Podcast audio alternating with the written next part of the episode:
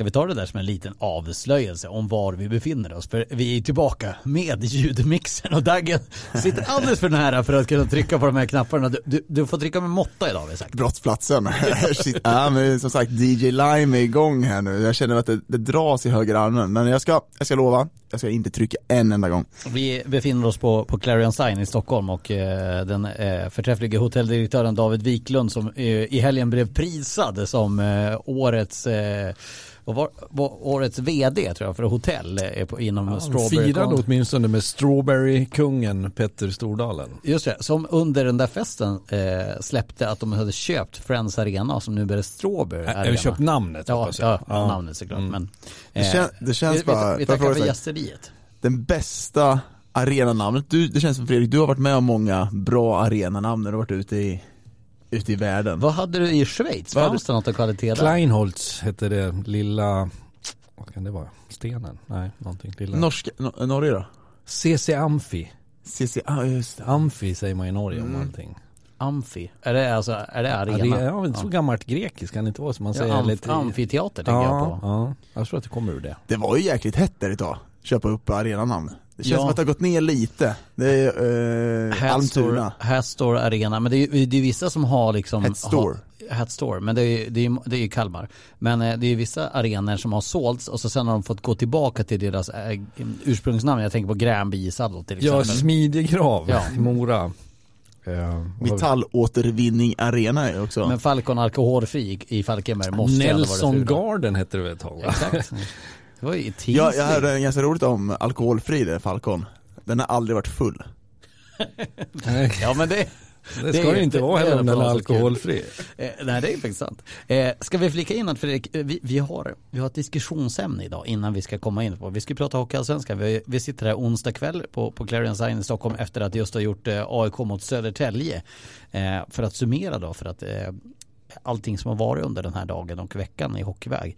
Men Fredrik, vi sa det att Finns det något bättre än läkkött på hockeyspelare? Om man säger det att du... Eh... Ja, men du, det var ju så att du reagerade idag. Ja. Vi behöver inte säga vilken spelare det var men hade lite ont och sen blev det en plötslig öppning för ett eh det, det vart en kontring helt ja. enkelt och han hade jätte, jätte ont och sen helt plötsligt så var han längst fram i kontringen mm. och då mm. sa vi det att det är märkligt vilket läkkött en målchans kan vara. Nej men tänk att smyga runt på sjukhus på sådana som då naturligtvis inte är allvarligt sjuka eller skadade men som tycker sig ha lite ont. Vet, man kan ju känna sig att man tycker synd om sig själv lite grann. Erbjud liksom ett friläge och plötsligt så tror man det där ryggskottet släpper lite grann eller träningsverken är över men ja, kan vara så.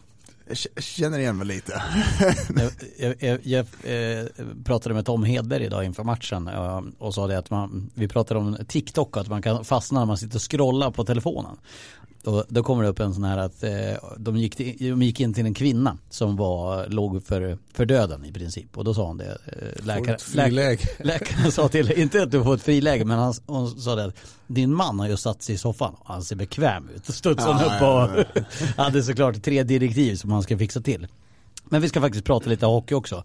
Men det är ju klart som tusan att om du vet en spelare som har spelat sig till en roll i ett powerplay, då biter den ihop lite mer nästa match för att annars vet han att han är ute i powerplay, då måste han spelas in igen. Men det var ju var det Blom, Blomqvist Anton som pratade om det innan idag som har haft mycket skador och sjukdomar. Att det här att man ibland har för vissa tränare kan det ju vara så att du är beroende av någon. Du har inga alternativ. Så även om någon är för dålig så får den fortsätta spela där. Men har du plötsligt folk så kan du tävla på ett annat sätt i, i, i positionen. Du på träningar kan ha en helt annan utmaning. Du kan ha alternativ.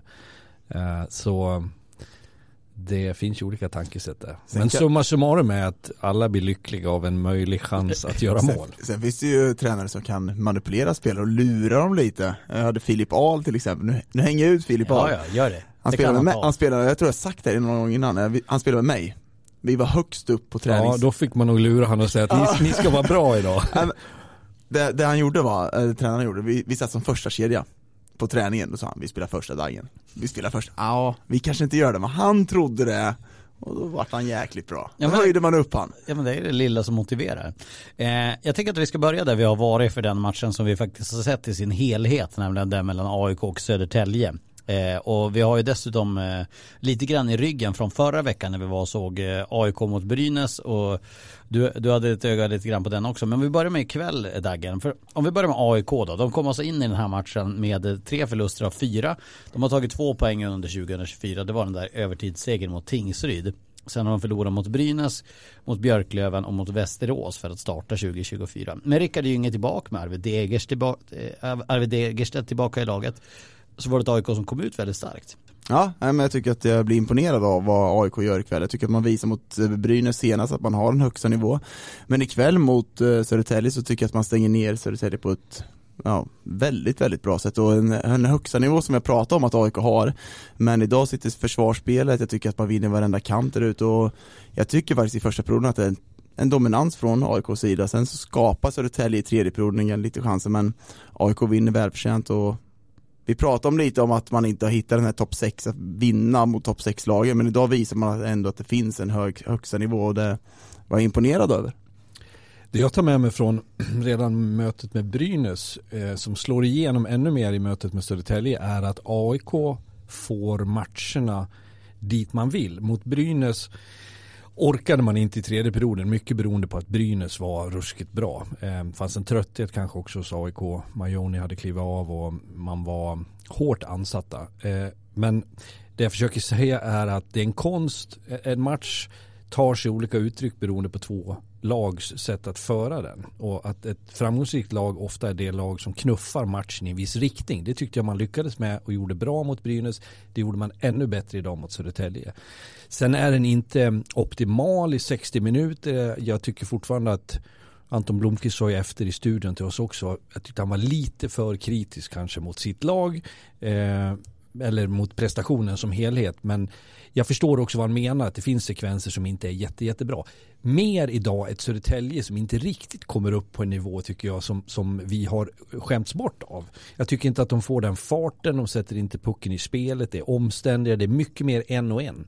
Och de här spelarna som vi pratade om med rätta innan stack inte ut på samma sätt och tog inte plats på samma sätt. Och då kan man alltid ställa frågan, vilket vi ju gjorde till både Blomqvist och Bogren vems är felet och vems är förtjänsten mm. och att sanningen kanske ofta ligger någonstans mitt emellan. Men det var mer fördel AIK i sin helhet än Södertälje eh, även i prestationen.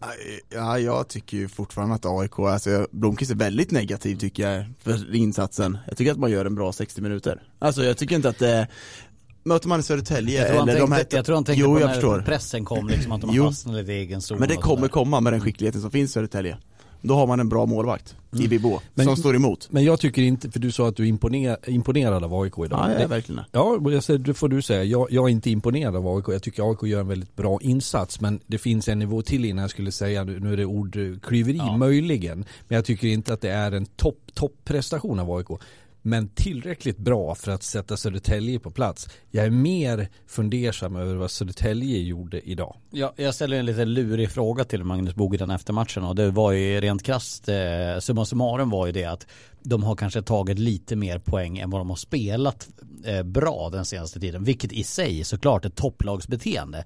Men jag känner inte riktigt igen Södertälje, även om de får ju några mål i baken tidigt, tidigt i den här matchen. Men jag kände ändå inte riktigt igen Södertälje i kampmoment och så vidare. Nej men jag tyckte de var slarviga också med pucken i uppspelsfasen och som Fredrik, de spelar mycket en mot en och en. Eh, tyckte första perioden man ser man hämtar pucken, eh, ingen som ville ha pucken, ingen som har aktivitet att liksom visa sig. Och jag saknade det där lite i Linus Widell, Marcus Eriksson, det som vi har varit vana att se med, med Södertälje. Jag ska säga också att eh, det kommer rapporter nu. Vi frågade Magnus Bogren hur det var med Linus Widell och vi sa det efter matchen att man får väldigt sällan en läkarutläggning om en skada. Men det kommer rapporter ganska snabbt till Länstidningen. Det var Andreas Hansson där på Länstidningen i Södertälje som sa det att eh, eh Widell hade uppsökt sjukhus. De hade inga vidare rapporter men sen exakt vad det säger vet jag inte. Men att, eh, Inga vidare som är inget vidare eller inte något utförligare? Nej, alltså det, det var inget vidare som att det var inte speciellt bra Ah, jag förstår det. Okej. SSK-stjärnan skadad åkte till sjukhus kan man läsa på Länstidningen just nu. Det jag blir imponerad över med AIK, som jag inte har sett riktigt in eh, förut, det är att man håller dem på utsidan på ett helt annat sätt. Jag tycker man stänger ner mittzon på ett bra sätt i första perioden. Och det som jag tycker också är imponerande är att man inte drar sig iväg. När man leder med 3-0, att man går på offensiven, man vill följa med i det här flowet man har. Man ställer upp i mittzon, stänger den, kontinuerligt spel hela tiden och det har jag inte riktigt sett från AIK tidigare. Jag är ju faktiskt, eh, jag gillar ju nummer 10 spelare.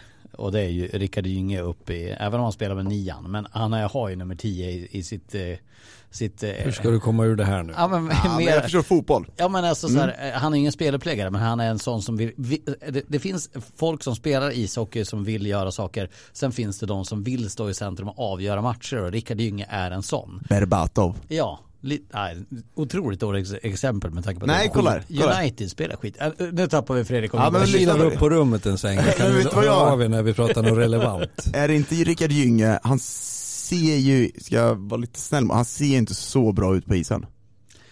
Nej, alltså han, han är inte den snabbaste, han är inte den skickligaste, men han har ju ett, han har ett spelsinne och ett målsinne och, eh, och Otroligt. eh, ett bra skott och en fruktansvärd timing Som man väl ändå får härleda ett spelintelligens tänker jag. Verkligen. Eller?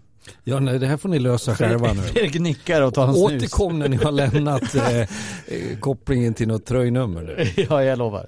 Men det är inte tröjnummer, det är positionen i fotboll han Nej, det är vad agendan av, och, och så här, samman, det, det var oasen av numret säger.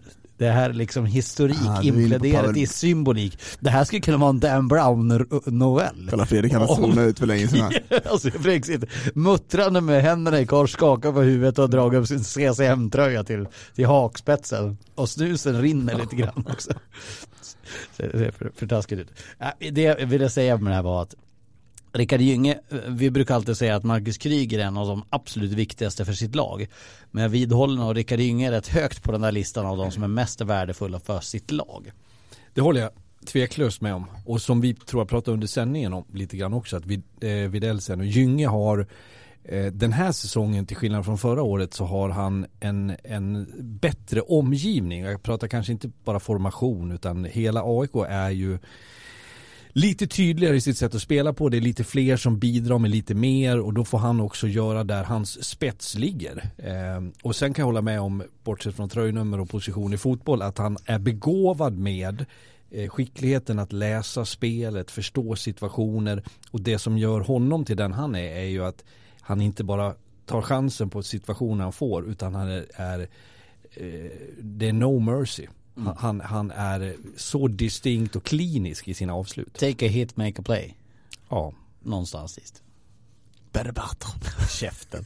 Ingen sån här. Eh, Södertälje då. Eh, vad, vad ska vi konkludera kring Södertälje? Videll? Frågetecken såklart. Men eh, det, det är Södertälje som kom in i den här matchen. De har alltså fem raka segrar, en förlust. Fem raka segrar, en förlust. Tre raka segrar, en förlust. Tre raka segrar. Det är en vinstmaskin Vi hade ju inför studion idag, vi, vi sa något utropstecken, frågetecken och, och överraskning på lagen bara för att göra någon slags summering. Jag hade på funderingen eller frågetecknet var det som komma skall. Jag säger inte att Södertälje är mätta. Jag, jag menar inte att det är över och förbi. Men nu har jag sett ett par matcher. Vi gjorde Djurgården där de förlorade på Globen sista matchen för 2023. Vi gjorde den här matchen idag och jag tycker att det är lite för många som vid ett och samma tillfälle blir lite för små. Man tar inte riktigt eh, duellerna, kamperna.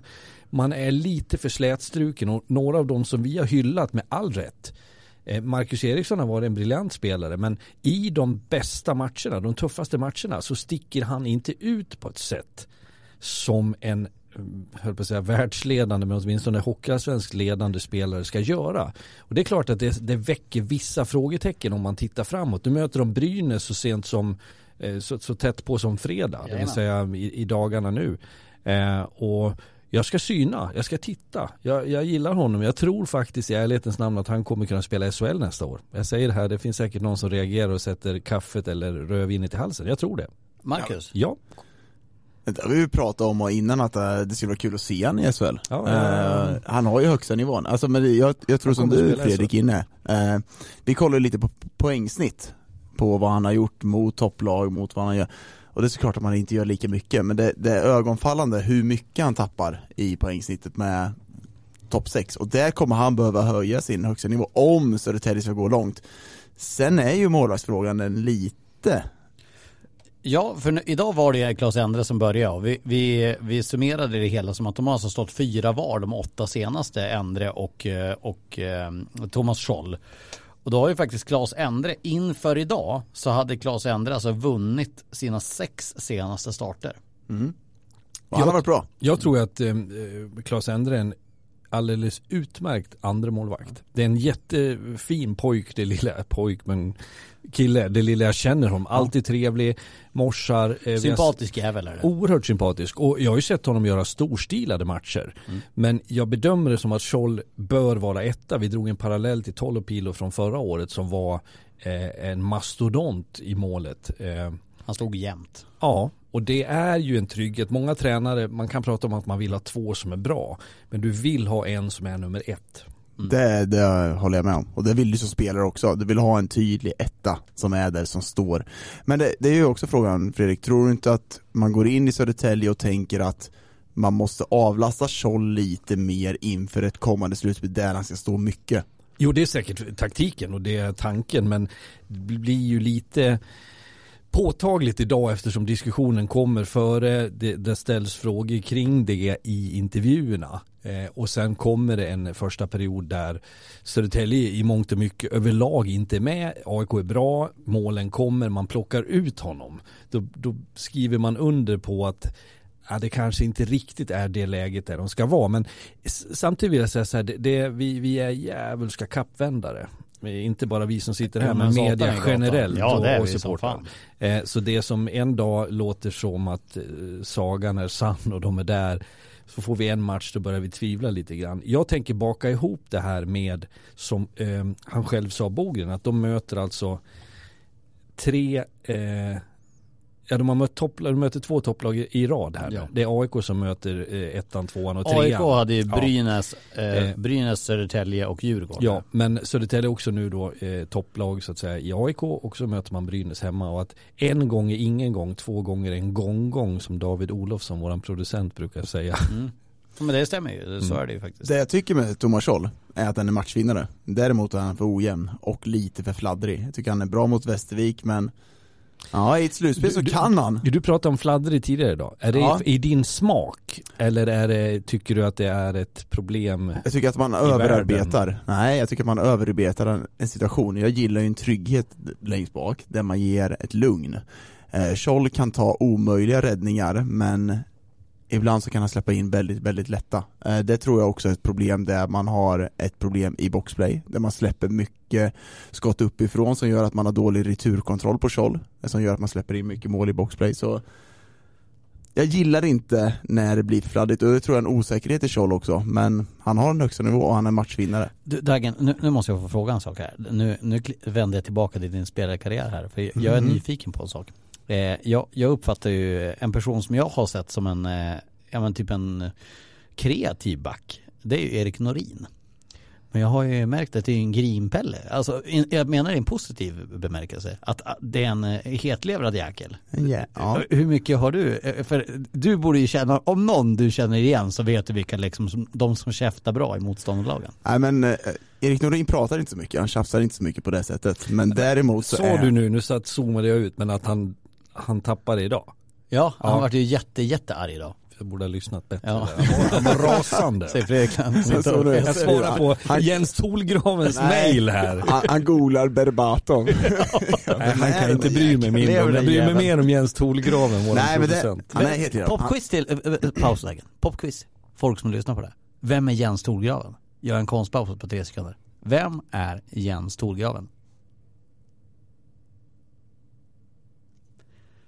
Det borde man veta. Det beror ju lite grann på ålder ska jag säga. Jag skulle säga att 1997, 8, början på 2000-talet, en av Sveriges hetaste sportkommentatorer. Numera producent, redaktör på TV4. Eh, men ett namn som ju sticker ut med tanke på att den är rätt unikt. Tillbaka till frågan, Erik Norin. Är, det, är, är det en tjurig jäkel? Det är en jäkligt tjurig jäkel. Ja. Alltså det känner man, men man ser också i kamper, han ger inte upp.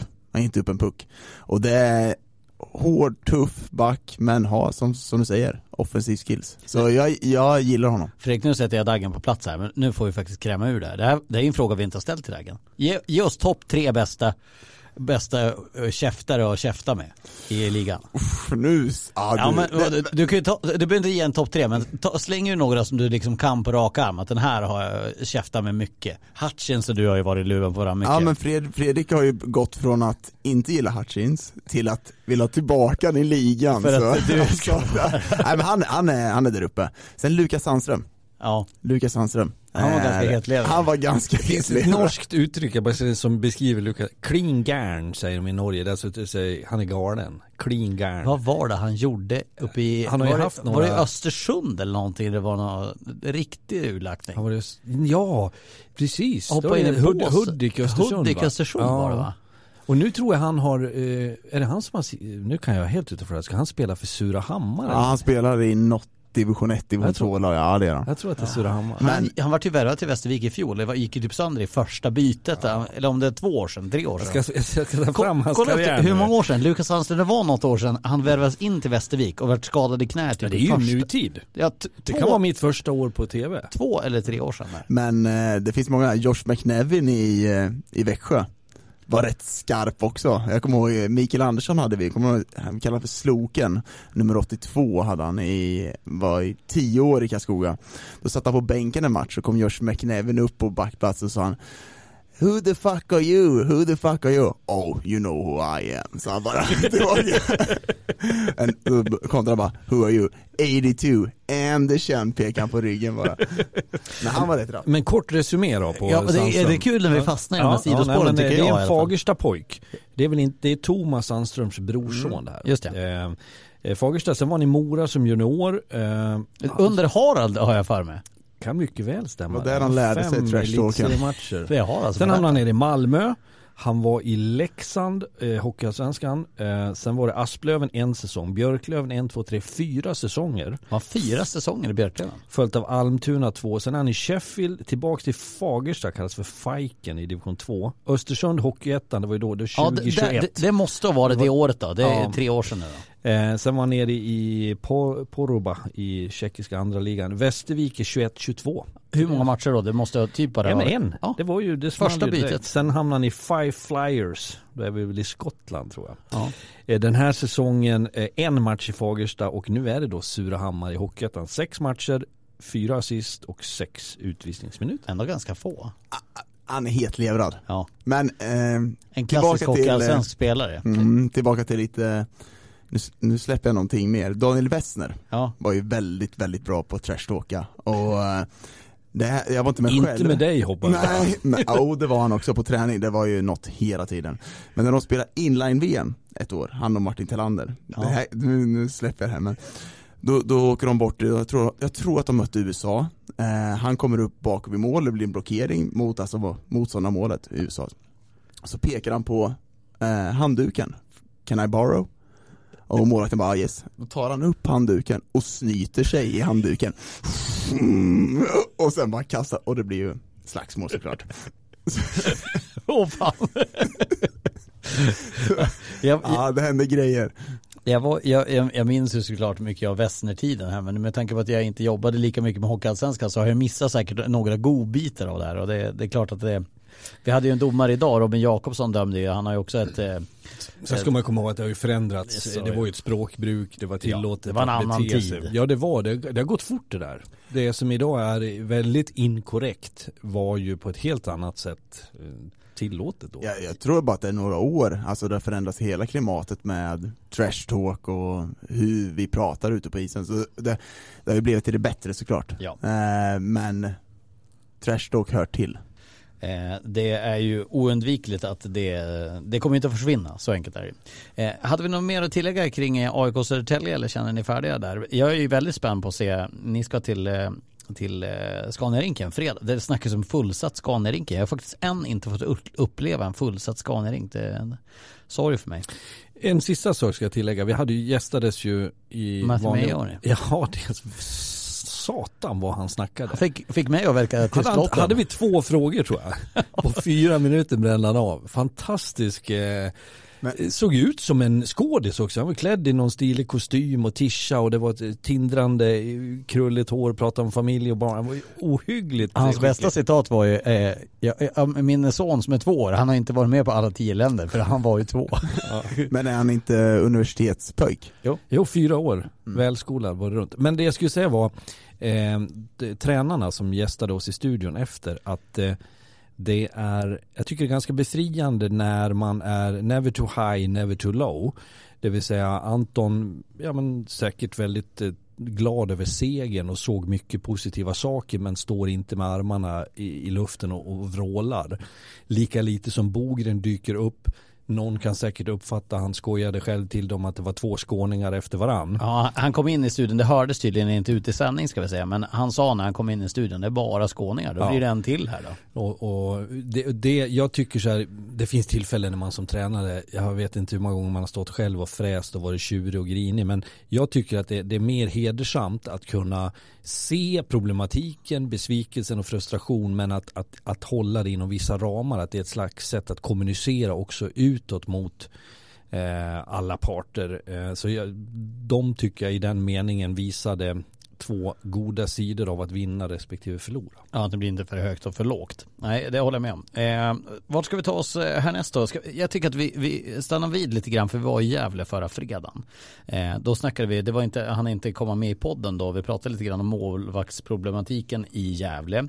Eh, och nu har ju Brynäs just ikväll då förlorat mot Västerås hemma efter att ha haft fem raka segrar på hemmaplan, 30 gjorda mål. Eh, så åker de in och förlorar mot Västerås idag. Men vi fick ju se Brynäs när de var som bäst i tredje perioden mot AIK i fredag skulle jag vilja säga.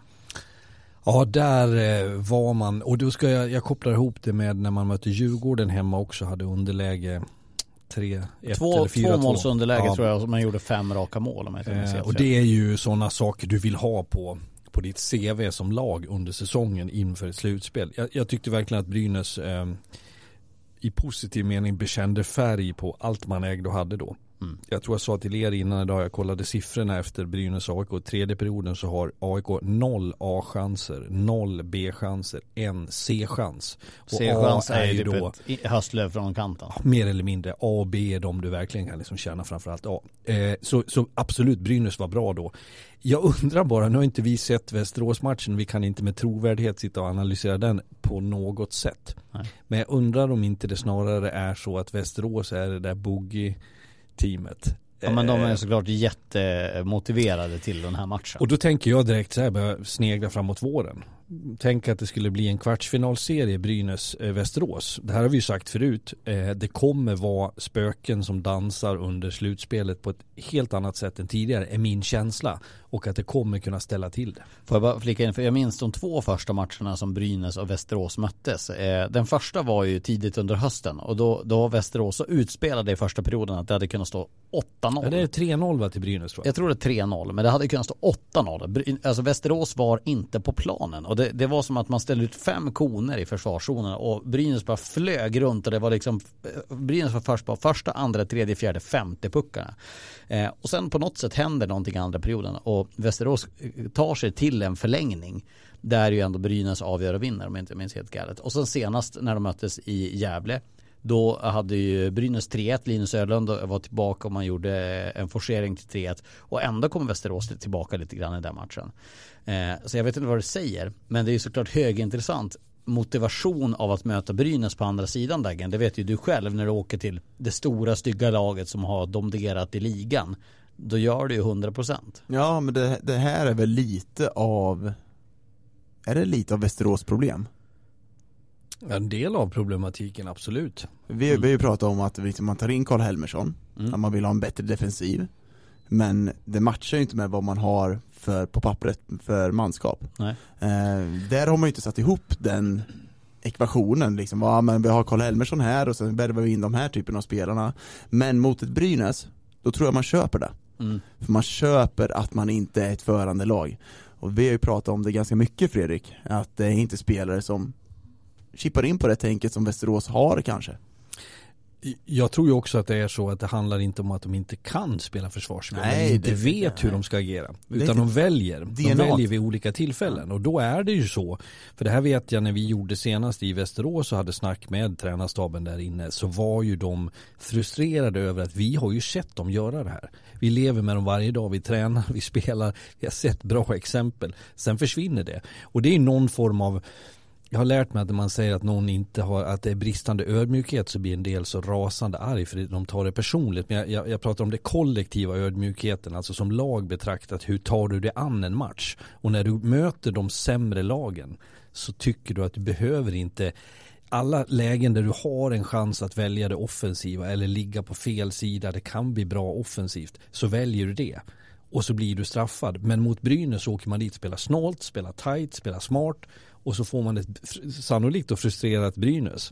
Eh, och man står emot och man vinner matchen. Det är intressant också när du säger ligga på fel sida, rätt sida.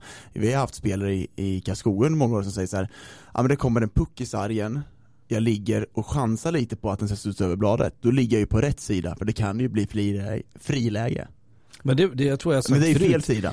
Jag tror jag sagt det förut, när jag var i Schweiz under två år, det, det är ju det de har vuxit upp med. Jag hade, jag hade så här e- exceptionella diskussioner med ett helt lag där jag känner att jag, jag nu bokar jag en flight hem från Syrien, är ni dumma i huvudet?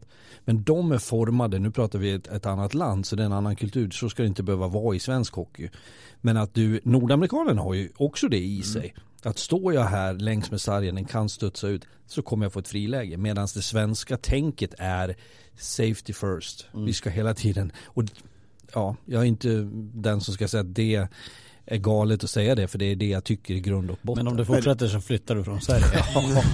Men det är ju det här som är problemet tycker jag med Västerås. Ja.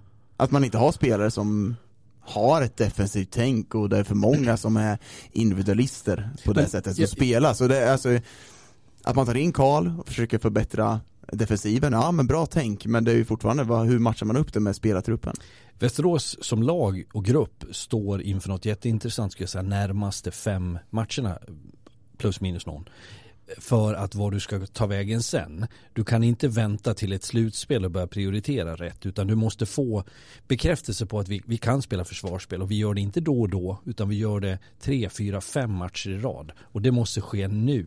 Ja. För det vi har sett om Västerås, det är att högsta nivån finns där. Ja absolut, alltså, läs, läser jag den här laguppställningen så är det så här, det här är inte ett lag jag vill möta i slutspel om de här får det att stämma. Det är för att du älskar offensiva spelare. Klart som fan. Nej men de är ju ordet oberäknelig. Ja, Googlar ja, du på det verkligen. så kommer det upp en bild på Västerås, alltså på lagfoto på dem. Mm. Eh, och det är ju som jag sa också tidigare idag under sändningen var ju att det är ju deras för och nackdel. Det gör att det är svårt att spela mot Mm. dem för du får inte den där fulla vetskapen innan. Det blir inte samma match som senast utan det beror lite grann på vad de har bestämt sig. Och här tror jag till Karl Helmersson, Örjan Lindmark och gängets eh, eh, försvar att det måste vara extremt frustrerande Ja. när du står där och, och ja, eh, i fredags, vi slaktade ju Västerås. Jo men ifrån studion 2-6 i mot. Östersund. Ja. Eh, Alltså, man ser ju också målen som Östersund gör. Det är ju inte ett samlat kompakt försvarsspel de möter. Nej, nej, direkt. nej. Ja, sen, sen så tycker jag att de har problem med liksom Vi pratar om disciplinen har blivit bättre men det är ju disciplin över hela banan liksom Alltså det är allting man pratar om då Disciplin i spelet syftar du på. Ja precis, Och disciplin, spelet disciplin för att, alltså disciplin mot domare också. För det, Mm. det var det som var det stora bekymmer i fjol. ja. Att de satte sig i skiten på det. Jag tycker under flera år har man tappat konceptet Alltså i matcher Alltså man har tappat det med att någon har kanske, att det har gått emot dem mot ett domslut, man har gjort att någon har spelat lite fult och då har man tappat det. Eh, då följer man inte sin gameplan och det här är ett Men- problem över tid med Västerås. Ja, men då tycker jag snarare på Västerås att det som det ser ju inte jag i Västerås den här säsongen att de tappar humöret och drar på sig utvisningar i samma utsträckning. Det var ju mer eh, under förra regeringen. Verkligen. Nu är det ju ett nytt, eh, men Ja, då har ja, det istället ja, flyttat sig till det spelmässiga Mm, där man inte riktigt orkar hålla kanske skärpa och noggrannhet. Eh, vill ni prata något om Brynäs målvaktssituation eller har jag sagt allting där? För tycker vi har tjatat sönder. Då Det vi kommer värvas innan. Ja, det, Va? Ja, ja, ja, ja, ja, en väldigt, Du släpper Daggen bomben här. Vä- Väldigt tydligt. Eh, jag tycker att vi går till omgångens sista ma- eh, viktigaste match idag. För det är, eh, Ja jävlar vad du gick in för den under Ja sändningen men det idag. är så här att Västervik förlorade idag. Det är 13 poäng när de har 17 matcher kvar att spela. De snittar en poäng per match. De kommer inte, Västervik kommer inte att ta igen 13 poäng på Tingsryd. Så enkelt är det. Det är kval som gäller för Västervik. Punkt. Han bara nickar Söderström. Ja, men jag tänkte det var härligt att lämna han själv med rösten. Ja, men, men- ja. du gick inte, hängde inte på det. Nej men vad, vad, eh, tror, Nej. tror ni att de kan plocka igen 13 poäng på 17 matcher? Nej, nej, nej. När nej, de andra tror- dessutom ja, har nej, två men- matcher i handen. Ja, nej men jag har bara inte det, nej, jag håller med dig. Det, det är ju... Du var inte modig nog att stå för det. Jo men jag tycker inte bara att jag slår inte in öppna dörrar. Och jo det gör det visst. Gör det? Ja ibland. I vilk, på vilken punkt? Den norsk är norsk. Ja, jo, det är eh, ganska tydligt. Man försöker göra någonting, Pelle Torstensson kommer in i båset. Eh, Ja. Har du lite erfarenhet med? Ja, han eh, var ju assisterande coach i Lillehammer när vi vann guld i Norge förut. En jättetrevlig människa. Men med det sagt, trots att man rekryterar på eh, ytterligare assisterande tränare. Det är kval som gäller nu va? Ja, ja men absolut. De, de, de och Östersund måste ju ställa in sig. Sen tror jag det där är intressant. Jag har inte varit i det läget själv. Jag tror inte du heller har varit att du har varit i ett negativt kval. Nej. Eh, att det måste vara en ganska tuff sak att erkänna sig besegrad med så pass lång tid kvar.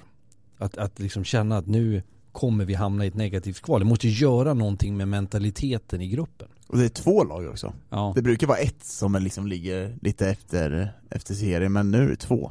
Så de sitter i samma position. Oskarshamn har ju varit där länge i SHL men nu har de ju faktiskt en teoretisk chans. De är li, lite närmare och lite mindre. Det skulle du väl ändå säga om du pratar teoretisk chans har ju även de två lagen. Ja såklart, det är en teoretisk chans. En praktisk chans ger väldigt små. Jo men du sa att Chanser. Oskarshamn hade en teoretisk chans. Och det men har de är ju Västervik. faktiskt närmare än vad Västervik och Antingen har man chansen ja, ja. eller inte. Kommer Västervik och Östersund klara sig bort från kval, Fredrik Söderström? Nej men du får Bra. ju förhålla dig till sanningen. Då har vi nej. Det finns en Bra. matematisk. Dagen kommer de att klara sig från kval, Västervik och Östersund. Nej, nej. Nej, bra. Då har vi färdigt med det. Eh, men eh, Västervik och Östersund har större problem än så. Men ett av de här lagen kommer inte att spela Hockeyallsvenskan nästa säsong. För eh, allting lutar mot det. Tingsryd har nu 13 poängs marginal ner till eh, lag 13 som är Västervik och de har två matcher mindre spelade.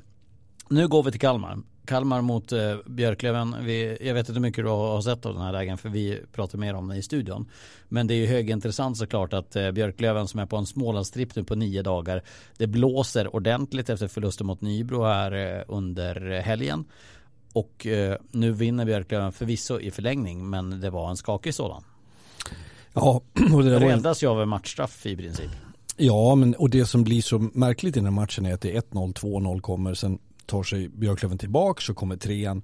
Sen är det ju den femman där man faktiskt går ifrån till en, en situation som gör att man har 5-3. Eh, för att sen plocka målvakten Kalmar och så blir det 4-5 och 5-5. Ja, jag, låt mig bara säga så här.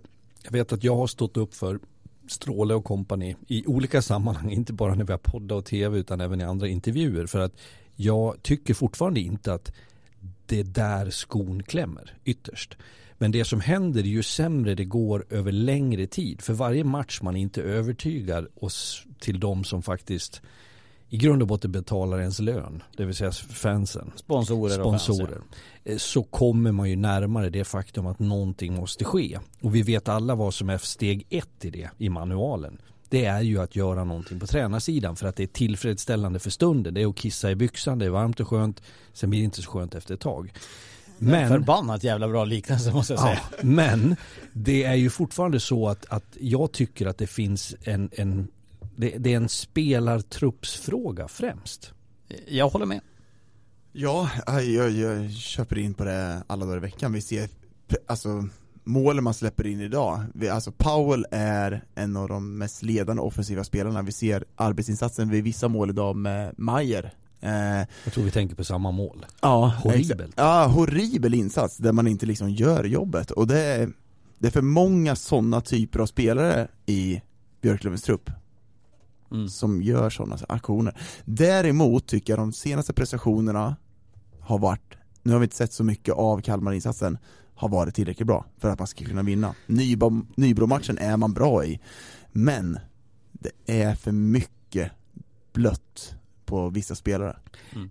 Jag tror också att man ibland eh, skulle vinna på att ha en annan typ av kommunikation. Eh, jag ser alldeles för ofta nu att, att man säger eh, men vi gör det en ganska bra prestation. Vi har helt okej okay underliggande siffror. Vi borde ha vunnit. Det kan du säga under en kortare tid. Det är ungefär som en Eh, kanske en dålig jämförelse med en statsminister som skulle stå och prata under tuffa tider om att ja, men det finns ändå någonting som är bra. Solen går ju upp på morgonen när folk i själva verket inte har råd att eh, betala sina elräkningar eller har mat på bordet. Att, att du, du måste få höra att nu är det piss och skit och, och det är det är för jävla dåligt just nu. Vi behöver starta om ibland får jag för mig att vi har skapat ett medieklimat i Sverige som gör att så fort att en, en tränare eller spelare eller sportchef säger de orden så vänds de mot dig. Jag kan tycka att det är mänskligt och rimligt att man kommer in i faser som är klart underkända och att det är bättre att lägga sig platt. Problemet är ju att folk är intelligentare, är inte tillräckligt intelligenta för att läsa mellan raderna. Alltså folk, folk läser in framförallt, folk läser inte texten, folk läser rubriken och sen då drar de en för stor slutsats av det. Så det handlar ju liksom Det är möjligt, inte... men jag tror samtidigt att människor skulle uppskatta en ärlighet där man säger att det vi presterar just nu är inte tillräckligt bra. Då kan jag vi få större sympati. på alla, alla punkter ja. och jag tror att många gör det. Men problemet är ju att vi har ju skapat någon form av medieklimat eh, som gör ju att folk väljer att inte uttrycka sig och inte säga Fast så du, mycket. Du har ju ändå en Challe Berglund i Leksand som är väldigt öppen, hjärtlig i en intervju. Mm. Nu, numera, det var han mm. inte för tio år sedan kan jag säga. Nej, och han, han har dessutom vuxit. jobbat ja, på tv också. Han, ja. Eh, ska gudarna veta. Nej men det, jag tycker att det där är intressant för att det blir en, en, en störning när man känner för att i slutändan handlar det om hur mycket poäng du har tagit. Vad du har för tabellplacering och jag tyckte det blev påtagligt idag när vi i studion kunde du sa det till mig, det var först då som jag tittar och tänker så här, fan de har alltså, vad har man upp till Brynäs? De hade 12 poäng inför idag och nu, ja, nu är det då 10 men med ja. två matcher mer spelade också. Ja och att det är inte så länge sedan det kändes som att det var de, mellan de här två det skulle sannolikt komma att stå. Ja. Så det, det, är klart att det har hänt någonting men vi kan sitta och spekulera. Frågan är bara vilken vägen ut är. Och, och det är sällan jag ställer frågorna i den här mm. podden, men jag, jag gör det nu. Vad är vägen ur om ni börjar? Äh, jag, jag, innan jag kommer, jag ska svara på den frågan, men en grej som, eh, som vi kollade statistik på så sent som förra säsongen, det var ju det att var det någonting vi visste, att var det fredag kväll i Umeå, vi hade oftast fredagssändningar eh, i Umeå av någon anledning, det var ju därför att de mötte ofta Modo eller topplag liksom. Eh, och då vann Björklöven i princip alltid. Nu förlorar de i princip alltid på fredagar. Jag säger inte att det är liksom någon grej att göra någon jättestor grej av. Men så det man ska någon... ringa och säga att man ska spela mer onsdagar? Nej men nu, jag menar inte det. Jag menar mer att, så här, att det kanske är pressen då av att hemma, mycket folk, fastän vi borde vinna det här och så sen det helt plötsligt går inte. Det låser sig. Att det är folk som vill för mycket, bla bla bla. Men jag skulle säga att lösningen på problemet, jag tror uh, att den uh, krävs det mer intelligens än vad jag har för att lösa. Men jag tror att en del av problemet är du helt rätt på att det är ett lag med många skickliga spelare. Men var eh, karaktärsspelare är det sådana. Spetsia till skulle jag säga. Björklöven skulle börja med att ta bort någon. Jag tror att det inte är en så dum ta in någon. Och jag, då säger inte jag att det är Viktor Stråle eller Stefan Öhman, Robert Lacht eller Per Kenti. Jag menar inte på tränarsidan. Jag tror att de skulle ta bort en spelare. Säga så här, du, eh, vi får tacka för den här tiden. Mm. Det är svårt att säga vem, förstår jag. Men... Ja, men, men och det, det ska inte vara någon som en kantboll. Det ger ingenting med den gruppen. Jag, jag, vet att det låter provocerande. Nej men jag, alltså jag har varit med i gruppen när vi har tagit bort en ledande spelare. Vixa Vad får det för effekt? Nej men ibland så kan det bli negativt såklart. Men jag tror att i det här fallet så tror jag, som Fredrik är inne på, jag tror att det kan bli en positiv. För då börjar man tänka till, vad är det som händer i verkligheten? Du syresätter gruppen. Mm. Och det måste... Förklara det lite grann. Jag menar att om du tar bort en spelare som kanske har en, en orimligt stor eh, position eller I gruppen? Ja, kanske spelmässigt. Eh, ibland är det, det finns det socialt spel. Där skulle du kunna fastna hur länge som helst. Eh, titta på dig Dagen och tänker att du har varit med om grupper där någon har en socialt hög status. Drivande i gruppen, älskvärd människa. Men hockeymässigt för svag. En sån skulle du kunna ta bort för att han inte är tillräckligt bra. Du skulle också kunna ta bort en ganska bra hockeyspelare. Eh, social situation eller position ointressant. Men det är en person som inte eh, är tillräckligt eh, Alltså som, som kväver andra lite grann. Som kanske inte följer manualen, som inte spelar spelet. Han gör sina poäng. Han, han levererar då och då. Men han tar död lite grann på strukturen genom att inte spela spelet fullt ut. Mm. Ja, det, det, är en jätteintressant tes. Ehm, jag tror att det är en jättesvår lösning på det här problemet. Men eh, det som är fakta nu, det är ju att Björklöven har ett problem. Ja, för det, det jag säger så här, Det, låt, det säger jag, får jag bara förklara mina ord innan någon liksom slår mig på fingrarna och säger vadå problem? De, alla andra lag förlorar också.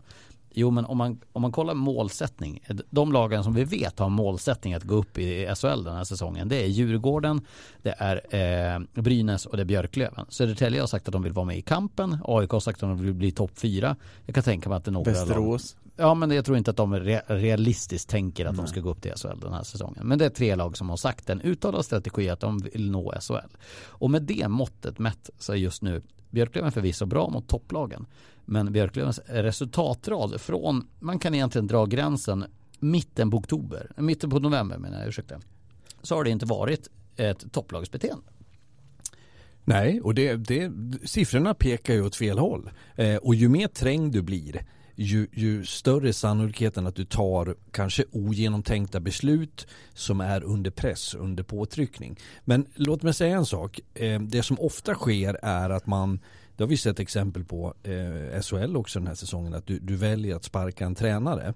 Sen tar du in en ny och då gör du också någonting med truppen. Jag skulle säga att steg ett skulle vara att du gör någonting med truppen. För grund och botten borde du sannolikt ha ett förtroende för den och de tränare som du har. Mm. Och att då vaska där. Jag vet att den enkla lösningen är att sparka en. Men jag pratar om att röra om i grytan borde vara steg ett innan du ger dig på att sparka tränare. Verkligen. Ja, jag, jag, jag håller med. Alltså ibland så behöver du ta det beslutet och det kan vara verkligen en ledande spelare mm. som man kanske måste ta bort som tar och då kan få andra att växa och börja tänka till. För, för Björklövens problem, låt mig säga så också, det är ju att de kommer ju inte vara inblandade i en negativ strid. Nej. Det som står på spel är en SHL-plats och det är ju stort och besvärligt nog. Men frågan är om du också vågar titta runt hörnet lite till så har du på något sätt tagit ett, ett tufft och modigt beslut och gjort ett ärligt försök. Om du sen fallerar i alla fall, ja då får man ju dra den summeringen och slutsatsen sen.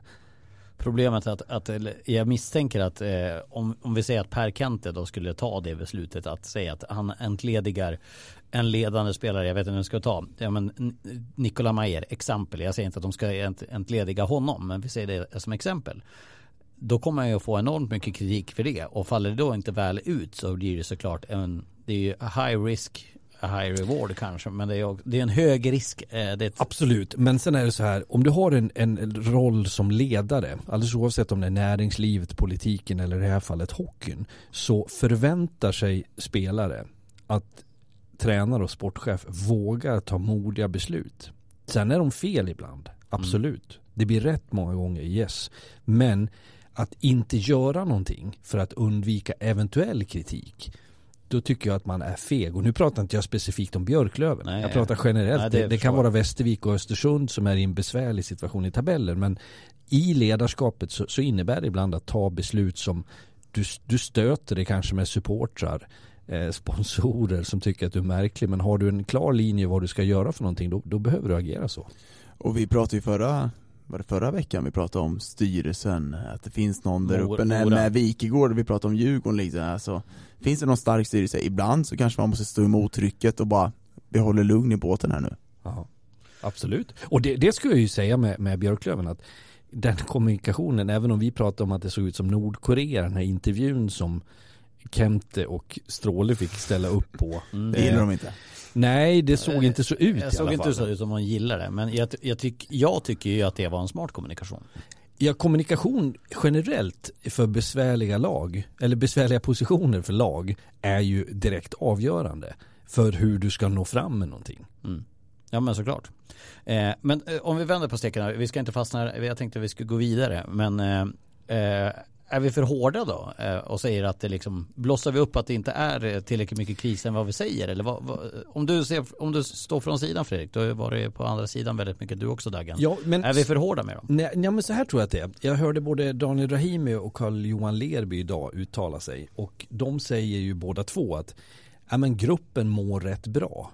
Eh, vi, alltså, för det ska man också förstå eh, att, att det finns, det är inte alltid samma sak som att supportrar rasar och att gruppen, alltså vännerna emellan, för det är ju faktiskt så att man blir tajt i ett lag uppfattar det på samma sätt. Sen tror jag definitivt att Björklövens spelare förstår att de är utsatta för hård kritik och att det är rimligt och att resultaten inte är okej. Okay. Men, men det jag menar är att det inte, jag, jag är inte övertygad om att Björklövens lag mår så dåligt som resultaten säger. Jag tycker, jag tycker man såg en viss frustration dock i Nybro-matchen. Eh, Weigel tar någon utvisning där och det, det, finns någon typ av frustration att man inte får in pucken på det sättet och att man inte har den effektiviteten som mm. har funnits innan. Så det, jag, jag, tror nog att det finns en frustration i truppen. Ja men det, det, frustration kan mm. ju också i, i, för mig vara kan du kanalisera det rätt? Mm. Att, att, du, att du går samman. Och där vet vi ingenting. Vi inte en susning. Så vi, där tror jag att man ska vara försiktig med att liksom dra slutsatserna. Men som jag var inne på förut, det spelar ingen roll hur gruppen mår. Om trycket blir för stort utifrån. Mm. Det, det jag vill bara säga om Björklöven, som jag sagt hela säsongen. Voutilainen i mål, högsta nivån finns där, alltså det finns en spets i den här truppen de kan gå hur långt som helst. Ja, ja nej, det Och jag, jag, vet, jag tänkte på det idag och vi pratar om deras långa borta turné här att det finns fördelar ibland att ligga borta. Mm. Du möter inte folk på ICA och du, du, du läser inte papperstidningen om någon nu gör det men på, på fiket liksom där du ser att vi sågas. Du kan komma samman. Ibland vet jag har varit med om krislägen i, i lag där man åker bort och vet att det här kan vara våran chans att studsa tillbaks. Man är lite närmare varandra, man springer på varandra på hotellfrukosten, man har träningar som blir lite lättsammare. Men det kan också vara dödsstöten om det skulle gå åt helvete när du sen ska vända hem. Ja. Eh, jag tror inte vi kommer någon längre i diskussionen men eh, det är klart att eh, det var nog viktigt för Björklöven att vända det där till en seger. Eh, Kalmar, Kalmar eh, fick med sig en poäng och till vilt firande där. Vad har hänt i Karlskoga då? Sex segrar på de sju senaste varav nu, fy, nu är det alltså fem raka. Nej förlåt, de har alltså, eh, de har alltså sju segrar på de åtta, sen, eh, åtta senaste. Varav fem raka. Ja, men de har ju verkligen fått effekt. Vi pratade om det förra veckan med Telander och, och tappade jag namnet? På Kull. Ja, eh, Kull som Ja men de har verkligen fått det. Det är eh. J20-tränaren som har mm, klivit upp för de som och, inte vet som vi sa förra veckan så har de fått någon typ av drag i grejerna, powerplay sitter där, nu fick Bäst man också ligan? Ja men verkligen, och det, det, det, finns en högsta nivå där men i powerplay, men 5 mot 5 spelet måste fortfarande bli bättre och man måste få, nu vaskar man om i alla kedjor ikväll och det fick man ju effekt på mot eh, Djurgården också Hellgrens med alltså stått varenda match sedan den 2 december. Nu tar man in din kompis Han jobbar också. ganska frenetiskt för att säga det lugnt. Erik ja just Hanses. Erik Hanses är ju för fasen klar för dem. Och du har en koppling till Rinkside. Jag står ute i min trädgård och gjorde någonting. Förmodligen, ing, förmodligen inget märkvärdigt men på andra sidan hästhagen så hör jag någon som ropar på klingande dalmål. Ja, nu blir väl Daggen och Lars nöjda att du jobbar i trädgården. Vad står det för bondläpp? Jag ser lite dåligt på andra sidan. Då var det Erik Hanses, för hans föräldrar bor på andra sidan Hästhagen från mig. Han är, en Leksandspojk som varit runt i, han var i Österrike några år och sen skulle han till Danmark till, var det Rödövre? Mm. Kanske. Han har varit i Modo Gillar du uttalet där? Ja, jag fick till, eller Her Herlev kanske var. Herlev. Skitsamma, han har varit i Danmark eh, hos Mattias Gudmundsson. Martin Gudmundsson Martin. heter han. Han slarvar med både lag och tränare. Före detta Västervik och eh, Almtuna. Furudalspojken, ja.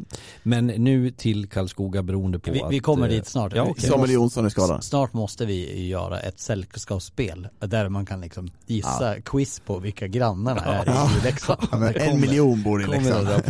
Men det vi kan konstatera är att äh, Karlskoga är att räkna med.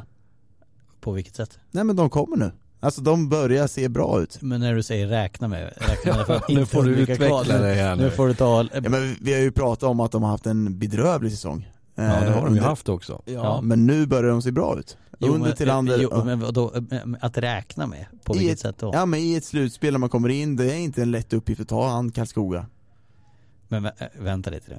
Menar du att de är på allvar mot de bästa lagen i ligan? Nej, jag säger att de kommer vara och räkna Du sa att de var att räkna med Ja, men det kommer inte vara som vi kanske såg för några månader sedan Där man skulle släta över Karlskoga på det sättet man såg då Nu är de, de har ett bra powerplay, bra målvaktsspel Då kan man inte göra som, som Milosevic gjorde på 2-3 och eh, som Backe Olsen gjorde på 3-3 idag mot Djurgården. Man bjöd ju, det var ju fullständiga bjudningar.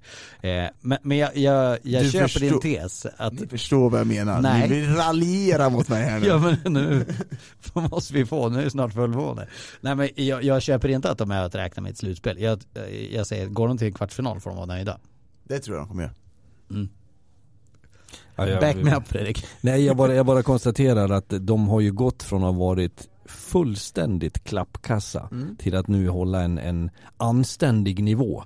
Men jag vill inte ta i så jag spricker och säga att de, de är att räkna med. Sen kommer de att kunna vara med i brist på lagen som de har kört förbi. Ska ju de med all önskvärd tydlighet faktiskt passera. Fan vad ni köper in på ord nu.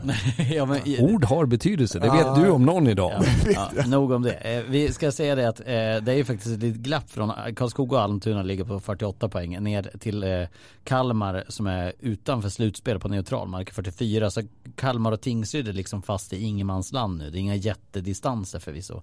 Men sen börjar det ju faktiskt bli lite uppsplittrat från Västerås som är 8. Eh, det är liksom lite skikt i tabellen nu ska jag säga och fram, framförallt så är det ju topp 6 och som har börjat gasa ifrån lite grann. Tycker jag. Eh, men Karlskoga, de är klart bättre nu. Det, det, det köper jag in på. Ja, det är det. Det är väl det jag vill till. Ja, och bäst powerplay-ligan har de faktiskt. Eh, har ni något mer att tillägga den här veckan? Eh, nej, inte som på det sättet. Jag, jag känner av att matcherna har gått från det där mellanläget. Eh, poängen är fortsatt lika viktiga, men vi pratar november, kanske december. Folk går och väntar på jul och lite ledighet. Det är någon mellandagsmatch som vissa älskar och du Dagen tyckte inte om det sa du. Inte som spelare. Eh, Min spelare. men nu eh, är vi på den bortre halvan så att säga och att det också börjar positionera sig. Det blir viktigt som, eh, tror jag för Södertälje, bara dra den kopplingen mot AIK idag när man inte riktigt är nära att vinna men att man ändå kan ta med sig något bra från period tre. Att, att det börjar bli viktigt med de känslorna och det du kan plocka med dig mentalt och för all del fysiskt från matcher även om du förlorar dem. Så att det börjar lukta lite grann eh, slutspel. Och så vad har vi lärt oss idag? Att vi är bästa läkkött en målchans. Mm. Ja, den kan alla lyftas av. Eh, fredag kväll Södertälje-Brynäs Mm. toppmatch. Intressant. Söndag Stockholmsderby på Hovet. Ja, första på Hovet. Djurgården och AIK. De tidigare var på Globen. De har, det är en byggarbetsplats nu har vi lärt oss det. Akustiken på Hovet. Ja. Lite synd att det inte går att ha båda fansen men det fattar jag att det, det är säkerhetsmässigt svårt att genomföra. Mm. Det ska bli jättekul att uppleva den. Nu har vi haft eh, genom senare år några fullsatta matcher där. Eh, men inte derby då. Nej. Eh, och det, det gissar jag att det borde vara en, en, en ytterligare en spets på det. Ja. Häftig söndag och sen nästa vecka har vi toppmatcher. Det är väl både superfredag på nästa fredag och så har vi Björklöven-Djurgården på Ja, onsdagen där. Fatta den kan vara ett, ett Djurgården som vi pratade om Karlskoga nyss. Mm. Eh, Är nu- att räkna med. Ja de är ju det, även om matchen idag var siffermässigt när man tittade första halvan där. När var det jag slog upp till dig och sa kolla här, de har alltså 16, sko- 14 skottförsök. 16 skottförsök, nej, 14 skottförsök varav 6 var på mål. Ja. Är- Väldigt lång frånvarolista. Ja. ja, ja absolut, men det har ju de haft hela tiden så att det, de hade det i Mora förra veckan också. Jag tänkte att vi ska prata mer om dem nästa vecka. App, app, app, app, app, app, app säger jag. Veckans Larry. Vad är Larry? Du, veckans Larry. Va, vi har ju fått till lite exempel på veckans, eh, den negativa. Eh, vilken var det?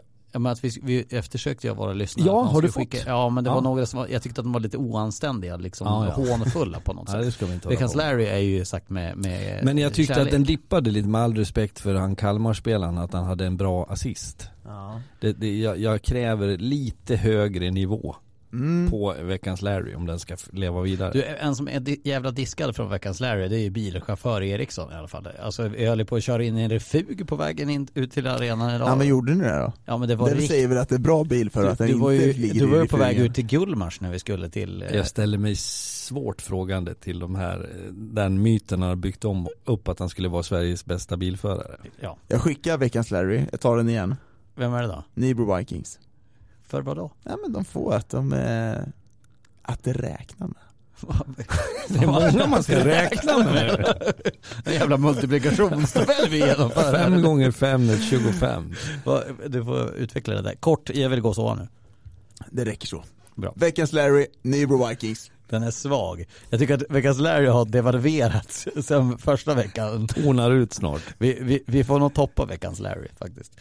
Eh, vi är tillbaka igen nästa vecka och eh, se gärna fredag 18.30 på TV4 och TV4 Play och dessutom söndag 14.30 drar vi igång då. Hörni, ta hand om er. Vi hörs. Ciao.